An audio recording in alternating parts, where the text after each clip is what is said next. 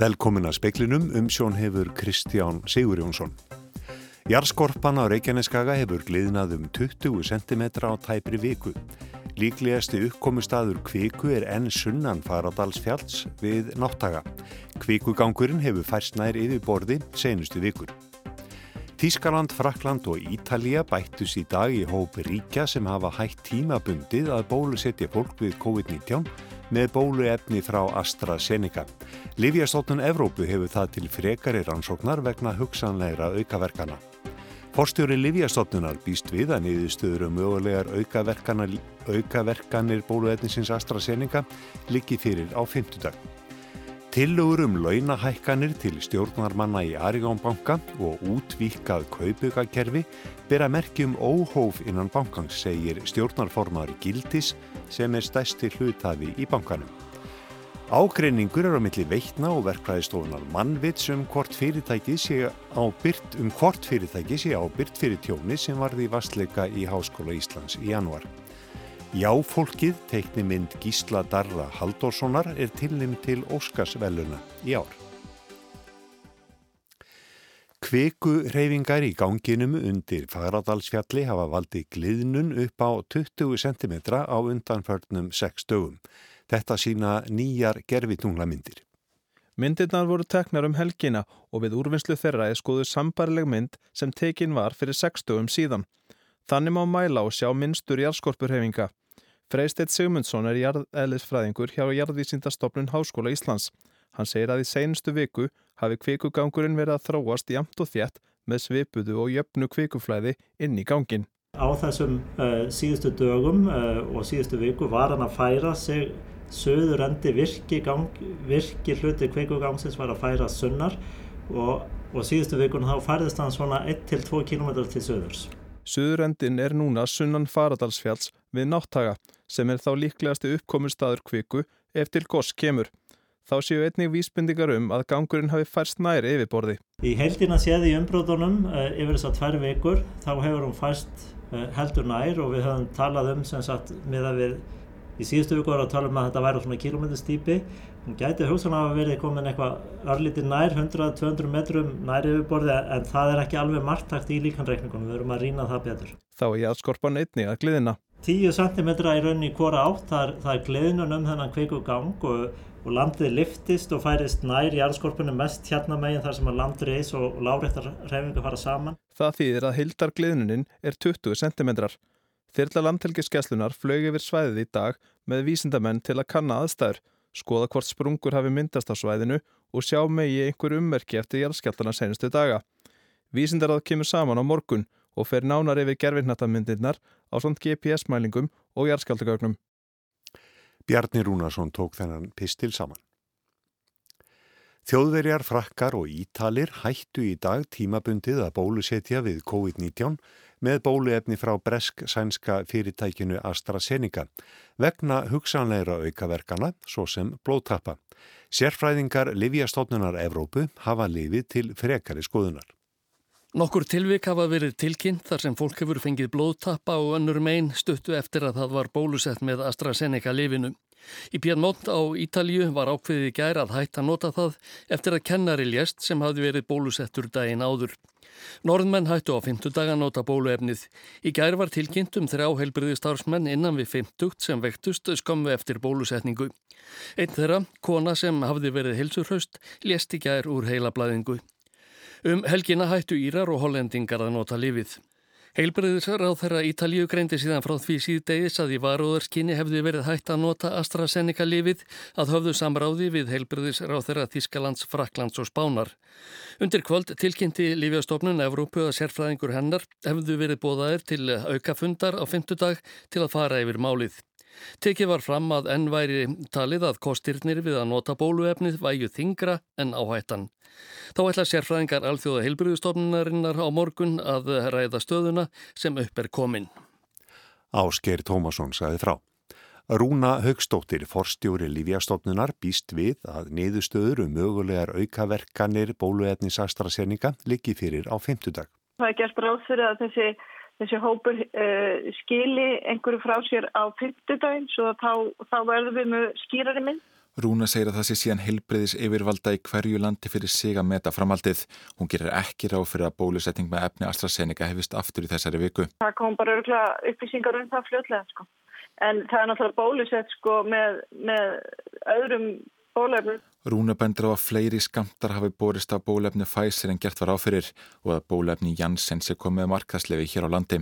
Þó þurfu þeir sem eiga eftir að fá setni skamt bólefnis og fengu efni AstraZeneca í fyrsta skamti að fá það aftur. Það er ekki svisað milli og bara ítreka það að það er ekkert sem bendur til að það séu þarna tengsla milli. Það er bara, það er bara mjög mikilvægt að ganga úr skuggum það af því að þetta, var, þetta voru frekar óvænt tilfælli sagði Rúna Högstóttir, Yngvar Þór Björnsson rætti við hana. Stjórnarformaður Gildis, sem er stærsti hlutafi í Arjónbanka, segir tilugur um launahækkanir til stjórnarmanna og útvíkað kaupaukakerfi bera merkjum óhóf innan bankans. Laun stjórnenda séu nú, nú þegar í hæstu hæðum og ekki á þau bætandi. Á aðalfundi Arjónbanka á morgun liggja meðal annars fyrir tillegur um útvíkun á kaupaukakerfi fyrir starfsmenn bankans og hækkun launa til stjórnamanna. Lífeyrissjóðurinn gildi leggs gegn tillegunum og segir stjórnarformaðurinn Stefán Ólásson að ef samþykja eigi áragustengt launakerfi eigi stjórnundu bankans að vera með læri föst laun. Launin séu nú þegar herri en gengur og gerist að markaði. Eh, en þarna eru þeir með eh, launin í hæstu hæðum og ætla að bæta umtalsverðum kaupaukum ofan á þau og þetta fer út úr öllu korti myndi ég að segja. Myndur orðað sem svo að já, það bara viðgengst óhóf þetta inn á bankans?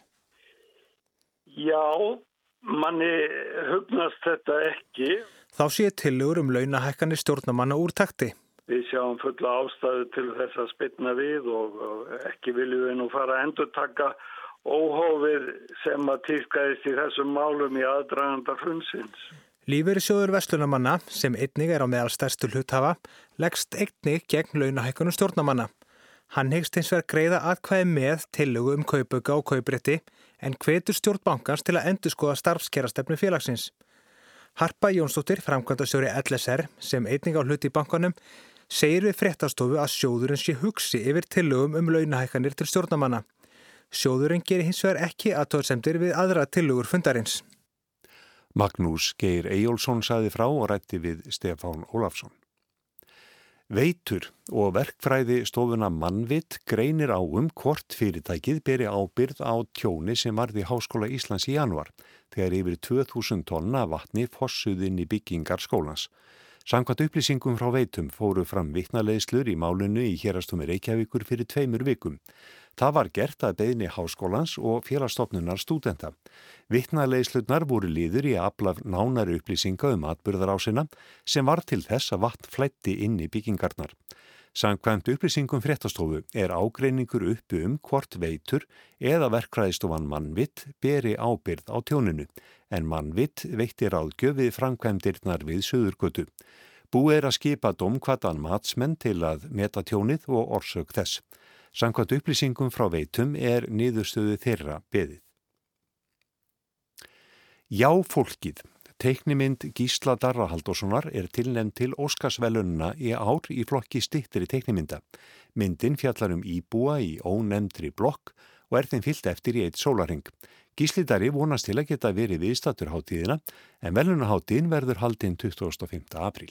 Í rauninni er þetta magnaða því að ég, það fyrsta sem ég vildi með þessari mynd bara var að gera mynd sem að ég væri stoltur af og, og, og ég gæti sínt að ég bara gæti leikstýrst yfir höfuð og sanna það.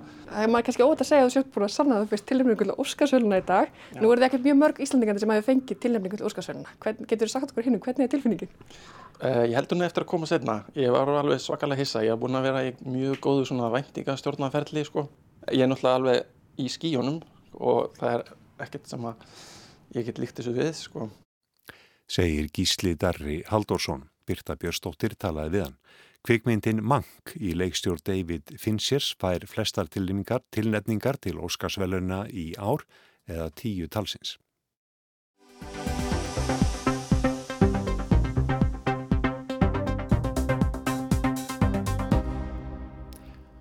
Samkvæmt samantækt fjármálaráðunitisins hafa kjör eldri borgara batna verulega á síðust árum. Hildar tekjur elli líferistega sem fá greiðslur frá Tryggingastofnur ríkisins hafa aukist um helming frá 2015. Kaupmáttur hefur aukist og hlutfalslega mest hjá þeim tekjulægstu.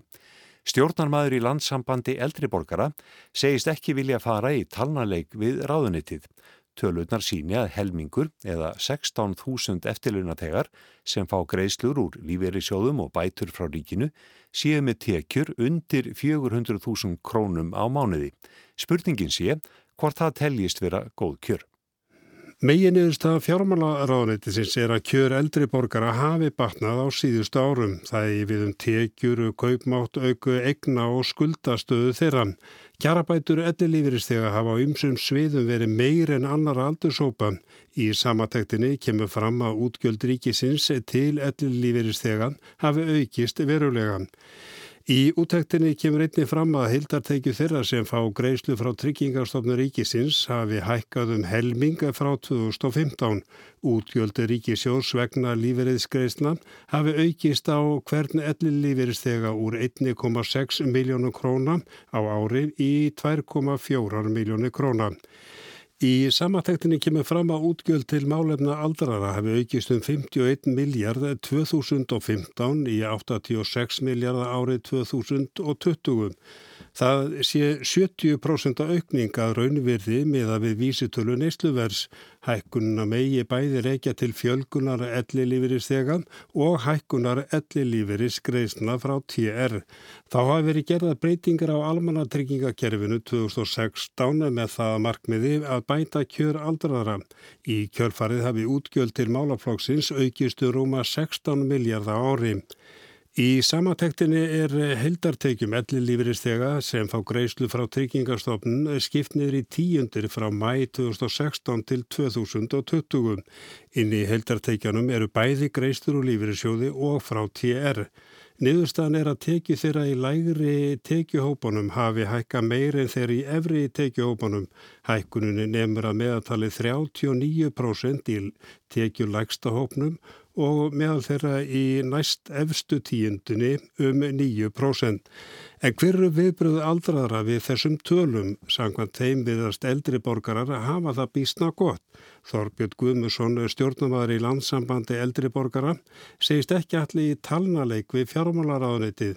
Það með ég reiknaði þetta út á ymsa vegu. Það er alveg klárt að það hefur orðið tölverð breyting á kjörum eldilífisþega og þá gerðist það sérstaklega í breytingunni eh, sem var gerð og tók gildi 1. janúar 2017. Við höfum aldrei við að fengta það. Hins vegar finnst mér svona talaleikur ekki vera það sem þetta snýst um. Það snýst um einn raunverulega kjör eftir launa fólks. Og sangvænt eh, upplýsingu frá fjármálaráðinveitinu og í töflunum sem fylgir, þá kemur í ljós að eh, árið 2020 er eh, miðgildi teknana, það er að segja, já, 400.000 krónur á mánuði. Það þýðir að e, það eru 32.000 manns á bótum hjá almanntryggingum. Það segjur okkur það að 16.000 manns er þá með lægri tekjur hendur en 400.000. Og spurningin er, teljum við þetta vera góð kjör? Ekki þessa prósenduhækkur, heldur þessa, þessa rauntölur. Og mín reynsla því að vera eftirlaunamaður er að það er bara ekkit ódýrar heldur en að vera launamaður.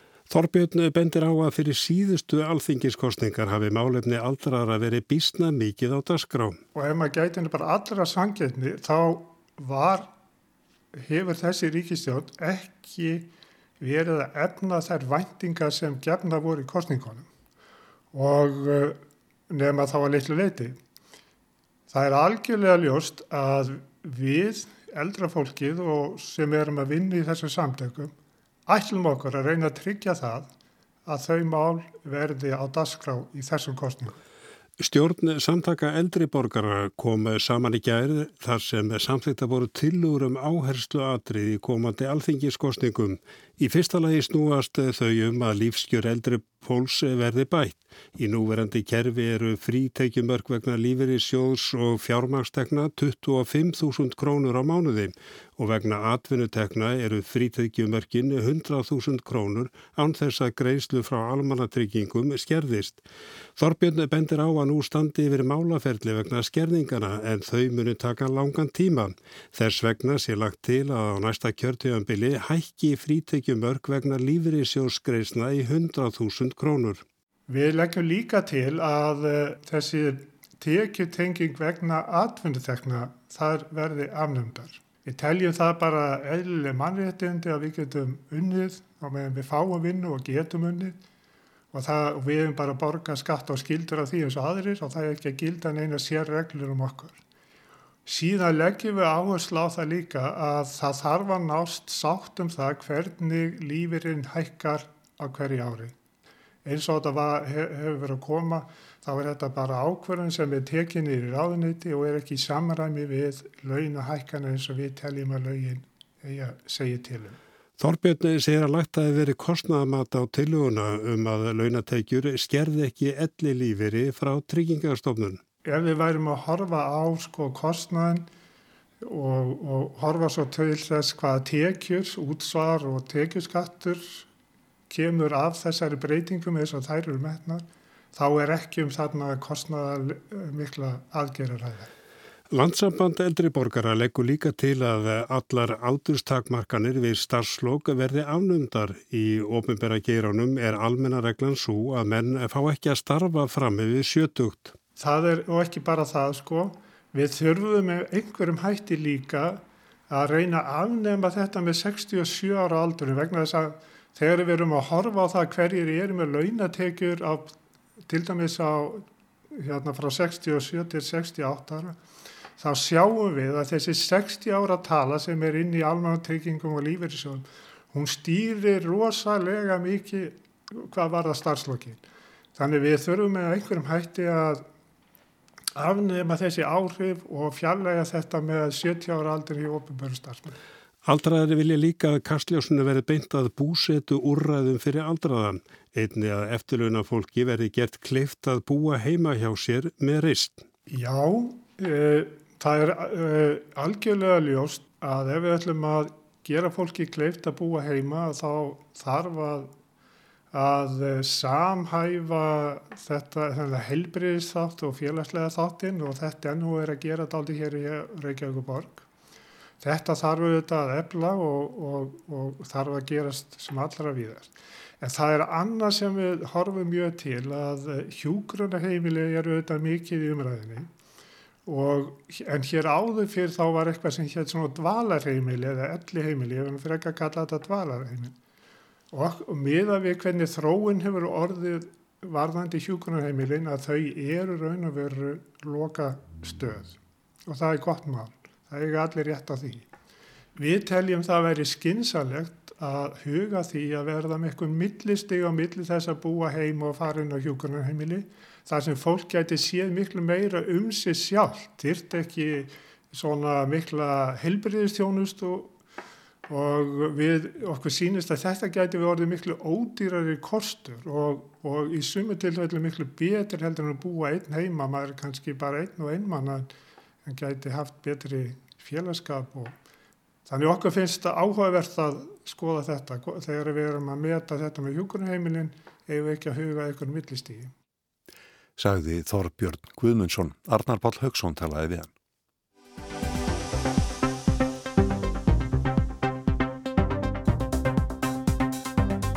Kosið var í tveimur sambandsríkjum í söðu vesturhluta Þískalands, Vaten-Württemberg og Rænland-Fals í gær. Kristilegi demokrater hafa notið mikils fylgis í báðum ríkjónum en í gær töpuðu þeir fylgi. Flokkur græningja fekk flest atkvæði í Baden-Württemberg og bætt bætti töluvert við sig og jafnaðmenn heldu síni í Rænland fals og fengu flest aðkvæði þar. Úslitin eru talin gefa vísbendingar um niðurstöðuna í kostningunum til sambandsþingsins í haust. Í síðustu sambandsþingskostningum var hægri flokkurinn AFT eða valkostur fyrir Þískaland nokkuð óvænt þriðji stæsti flokkurlandsins og úslitunum fylgdi stjórnarkreppa í nokkra mánuði Þar til höfuð anstæðingarnir í þýskum stjórnmálum, kristilegi demokrater og jafnaðamenn mynduðu samsteipustjórn. AFT-flokkurinn tapaði fylgi núna í ríkjónum tveimur sem Kosi var í og er undir 10% fylgi. Angela Merkel ætlar að láta af kanslarembættinu í höst eftir 16 ára setu. Hún nýtur mikill af vinsalda en þær skila sér ekki til flokksennar kristilegra demokrata. Til að ræða stöðuna í Þýskum stjórnmálum er komin í stúdíu auðun Arnórsson, stjórnmálafræðingur og í síman frá Þýskalandi er Sabine Lekkoff, borgarfulltrú í Reykjavík en hún er fætt og uppalinn í Þýskalandi. Eh, Sabine, fyrst, af hverju skilar mm. þetta persónu fylgi Merkel sér ekki til flokksennar, kristulera demokrata? Uh, Kanski aðalega vegna þess að hún er á leiðinu út. Hún er náttúrulega búin að tilkynna fyrir löngu að hún ætla ekki og mun sérstaklega ekki fara fram aftur. Og nýjum að við brunni er kannski ekki búin að skapa sér mikið fylgi og svo er ekki eins og búin að gefa út hvort hann verður líka uh, kanslara efni Eh, fyrir kostningar í haust. Þannig að kristilega demokrata hafa kannski ekki einmitt engan sterkan leiðtóa í augnablikkinu og um, svo náttúrulega er hitt sem hafði mikið árið líklega að uh, síðustu veikum hefur verið mikið skandal hér. Það hafa þrýr þingmenn þeirra sagt af sér vegna þess að þau grættu personlega á vískiptum við grímurs hér og þannig að það er mikið vantraust þar. Hvað hefur áðið núna umræðinni í tískum stjórnmálum undan farnar vikur? Það sem er í umræðin núna er þessi gerjun. Það eru mikla breytingar held ég og þessi dagur í gæs hann segir okkur að það er ekki lengur gefum, það er kannski stóra frétti núna, það er ekki lengur sjálfsagt að kristilega demokrata eru í ráðandi stöðu í landinu. Í báðum þessum sambandsreikjum er núna hægt að mynda stjórn ánþæra. Þannig að sjálfsög er fólk að spyrja sig, er þetta ákveðin skilabóð inn í, í haustu? Auðin, tekur undir þessa greiningu? Já, það er náttúrulega í sambandsríkistjórnmálum þá er það ju þannig að fólk eru orðið mjög lang þreytt á stóru samsteipu þeirra jafnaðamanna og kristilegra í, í, í stjórnin í Berlín. Það er raun engöngu kristilegir sem þess að dana geta kallað sig það sem þjóðuröfni kalla fólkspartæi, það er raun í flokk sem nær yfir 30% fylgi á landsvísu. Þar hjálpar alltaf hversu gríðarlega mikið fylgi kristilegir hafi í bæjaralandi og það er endar einmitt leiðtói kristilegir í bæjaralandi sem gerir von, vonast líka til þess að hann já eigi meira erindi í að vera kanslarefni kristilegra heldur en lasett formáðurflokksins eða þessi nýlega kjörni formáðurflokksins. Mm, þannig að það er greinleg leiðtú að krísa í kristilega demokrataflokkna. Já, það er raunilegt tóa að krísa í ekki síður í eh, jafnamannafloknum. Þar er eh, búið að standa mikil styr og mikil mannaskipti í brunni þar síðustu árin og þau voru því einmitt mjög feignir þó að ná samstöðu um kanslaræfni en Sjólds er sko Hann eru ekki leiðtói í flokksins heldur sko, þannig að þau eru tvö sem eru núna fungerandi formenn jafnagamanna og sem sagt sjálfs er ekki einn af þeim sko. Þannig að þetta er svona svolítið flókinstaða og eitt sem víst er einmitt að kjósendur vilja ekki endur tekna eh, stóru samstipu þannig að það er auðvitað eh, forsendan líka fyrir sagt, þannig auðvitað hefja báði svona stóru flokkarnir. Það verður að kalla það eins og staðan er núna í rauninni víða eru græningi að komni fram úr eh, jafnaðamannum Þannig að þeir eiga alveg eins vonað því að verða sko stærri í sambandsþingkostningunum í höst en jafnamenn og það væri náttúrulega algjörlega og þá getur jafnamannaflokkurinn ekki í raunin ekki annað en verið í stjórnaranstöðu eh, ef hann fengis líka útreið. Eh, og þá væri kannski líklæra að græningjar og, og kristilegir myndu reyna myndastjórn En vissulega getur jafna að menn vilja vera með því líka. Verið náttúrulega í Baden-Württemberg og það er náttúrulega fólk að horfa mikið til núna að þessi samstefnstjórn millir græningja og kristilega demokrata í Baden-Württemberg sem er einn af íhaldsumustu fylgjum er ríkjum í, í Þískalandi og, og, og mikið bílaframleyslu og svona en að það hafi gengið einlega mjög vel með undir fórustu græningja. Það er uh, mjög merkilegt og, og það er eitthvað sem fólk er að skoða mjög mikið hvernig það hefur gengið en breytingin þar er kannski einmitt líkla, líka svo að um, það verður áfram uh, ríkistjórnar, uh, sambandstjórn undir, undir fórusti græningja, það er alveg ljóst en það sem er nýtt núna að þeir hafa í rauninu verið val Þeir mm. geta valið milli þess að halda áfram samstarfi kristilega demokrata eða fara í samstað við jafnamenn og frelsendaflokknum. Frelsendaflokkurinn hefur uh, bætt við sig fylgi og við sjáum líka að þeir fá kannski svolítið fylgis þeirra sem eru óanæg með COVID-aðgerðina hér. Það verist ekki hafa tekist að uh, valkostarinn fyrir Þískaland sem er mjög öfga hægri flokkur hefur ekki geta sopa þetta til sín. Það finnst mér líka stór skilabóð úr þessum kostningum í gæs. AFD er að tapa í kringum 5% í báðum sambandshjörnaríkjum uh, og nær ekki að ná til þessa hóps og verðist ekki að geta endur tekið það sem gerist 2016 að þeir fengu mikið af atkvæðum frá fólki sem venjulega fer ekki að kjósa. En uh, sérstaklega Baden-Württemberg, eins og ég segi, það, er, það er mikið íhaldsemi, það er mikið bílaframleysla og landa sem hefur gengið vel efnarslega að þeir eru að kjósa hérna græningja til stjórnar í þriðja skipti og undir fórustu þeirra og, og þeir að sko það segir einlega líka mjög mikið það fólk sé að breyta eitthvað til að núna eru aðri áherslus að koma sterklega inn.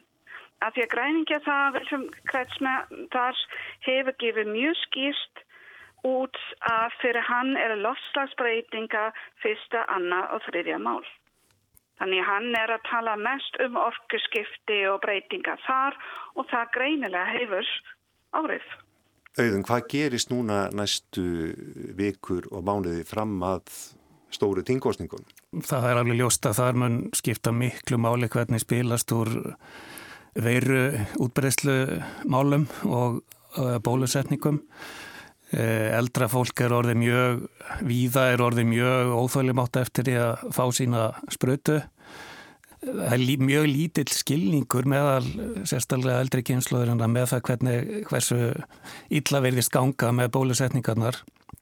Sérstaklega með tilliti til þess að best, besta, eða eitt af þessum fyrstu efnum sem kom á markaðin er um eitt eh, í Þýskalandi. Þannig að það er svona lítið skilningur á þessu þannig að ef að stjórnmálinn ná ekki að leysa þetta annars vegar halda aftur af þessari bylgjum sem núna verist bara í vexti því meður í, áhagmegilandinu og ekki, ekki síst í Þýskalandi. Og svo hinnu að, að ná að bólusetja minnstakosti eldstu hópana að þá mun það augljóslega hafa líka áhrif á kostningarnar á það, á það hvernig til dæmis eldri kjósendur munu kjósa sem eins og við vitum eru kannski frekar þeir sem kjósa í allt saman flokka. Ég tek undir smögum að það mun skipta öllu máli hvernig gengur að vinna gegn faraldur í hér. Og ég tek undir með þetta ég er heima hjá fóröldum mínum.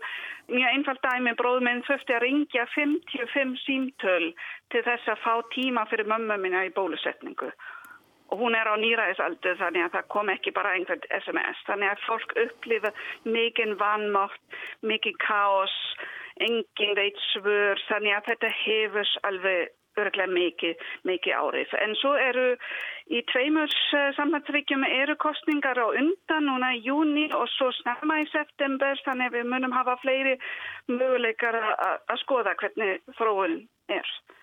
Það er klárlega garjum hér í Þísklandi. Takk fyrir þetta Sabíni Lepkov og Auðun Arnórsson. og þá lítum við yfir það helsta sem að var í speklinum hjá okkur í kvöld. Jarðskorpan á Reykjaneskaga hefur glíðnað um 20 cm á tæpri viku. Líklegastu uppkomustadur kviku er enn sunnan Faradalsfjalls við náttaga. Þískaland, Frakland og Ítalja, Ítalja bættust í dag í hópiríkja sem hafa hætt tímabundi við að bólusetja fólk við COVID-19 með bóluefni frá AstraZeneca fyrirtækinu. Og forstjóri Lífjastofnar býst við að niðurstöður um mögulegar aukaverkanir bóluefnis AstraZeneca líki fyrir á fymtudag.